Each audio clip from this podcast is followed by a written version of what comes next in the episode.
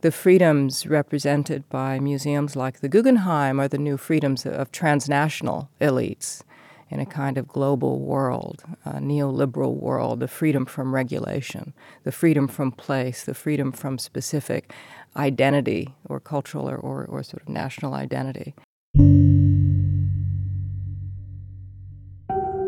Fons. Obres de la col·lecció MACBA explicades pels artistes. Andrea Fraser.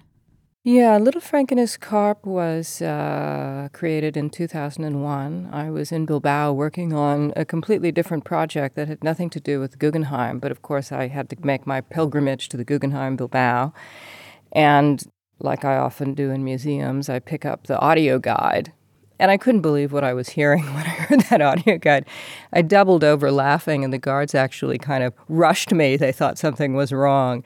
But I decided to go back um, without permission from the museum with a crew of people with hidden cameras to uh, videotape me going through the atrium of the museum with the audio tour and just basically sort of doing what it told me to do, which was to caress the walls. And then, of course, I get a little carried away.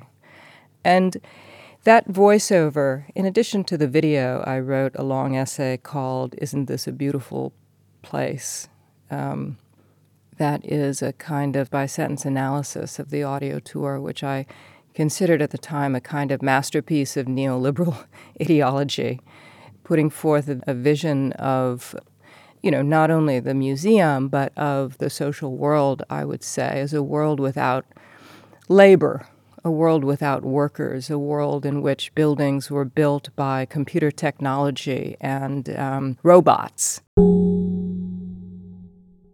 And in the context of Bilbao, certainly at that time, and I'm sure still today, a city that saw its long industrial history and long history of militant trade unionism collapse in the 1980s to, you know, incredible social disruption. That sort of representation of the world seemed to me to be incredibly violent. What that, um, you know, the audio tour also represented was this image of museums as a place of freedom, a place of freedom from restrictions, you know, that you could even sort of transcend your body, that you could transcend, it says quite specifically, age, class, and education. A place where, you know, we could leave our social selves behind and become these kinds of uh, pure, I don't know, aesthetic uh, bodies of, I don't know, sensuality and freedom or I don't know what, you know.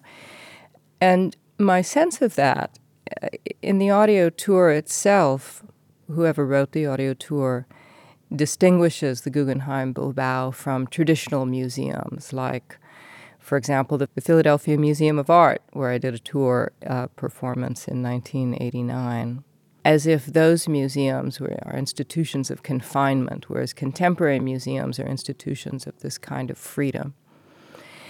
But in fact, um, I think what these different museums represent are different kinds of freedoms, and in fact, different kinds of freedoms that belong to different um, different elites.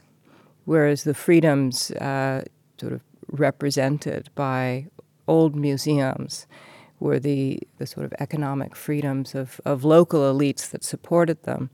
The freedoms represented by museums like the Guggenheim are the new freedoms of transnational elites in a kind of global world, a neoliberal world, the freedom from regulation, the freedom from place, the freedom from specific identity or cultural or, or, or, sort of national identity. And what was most disturbing to me about, you know, the audio tour is that those freedoms get then identified not only with those elites who support the museum, but with artists themselves. And that's um, that's part of what I wanted to get at.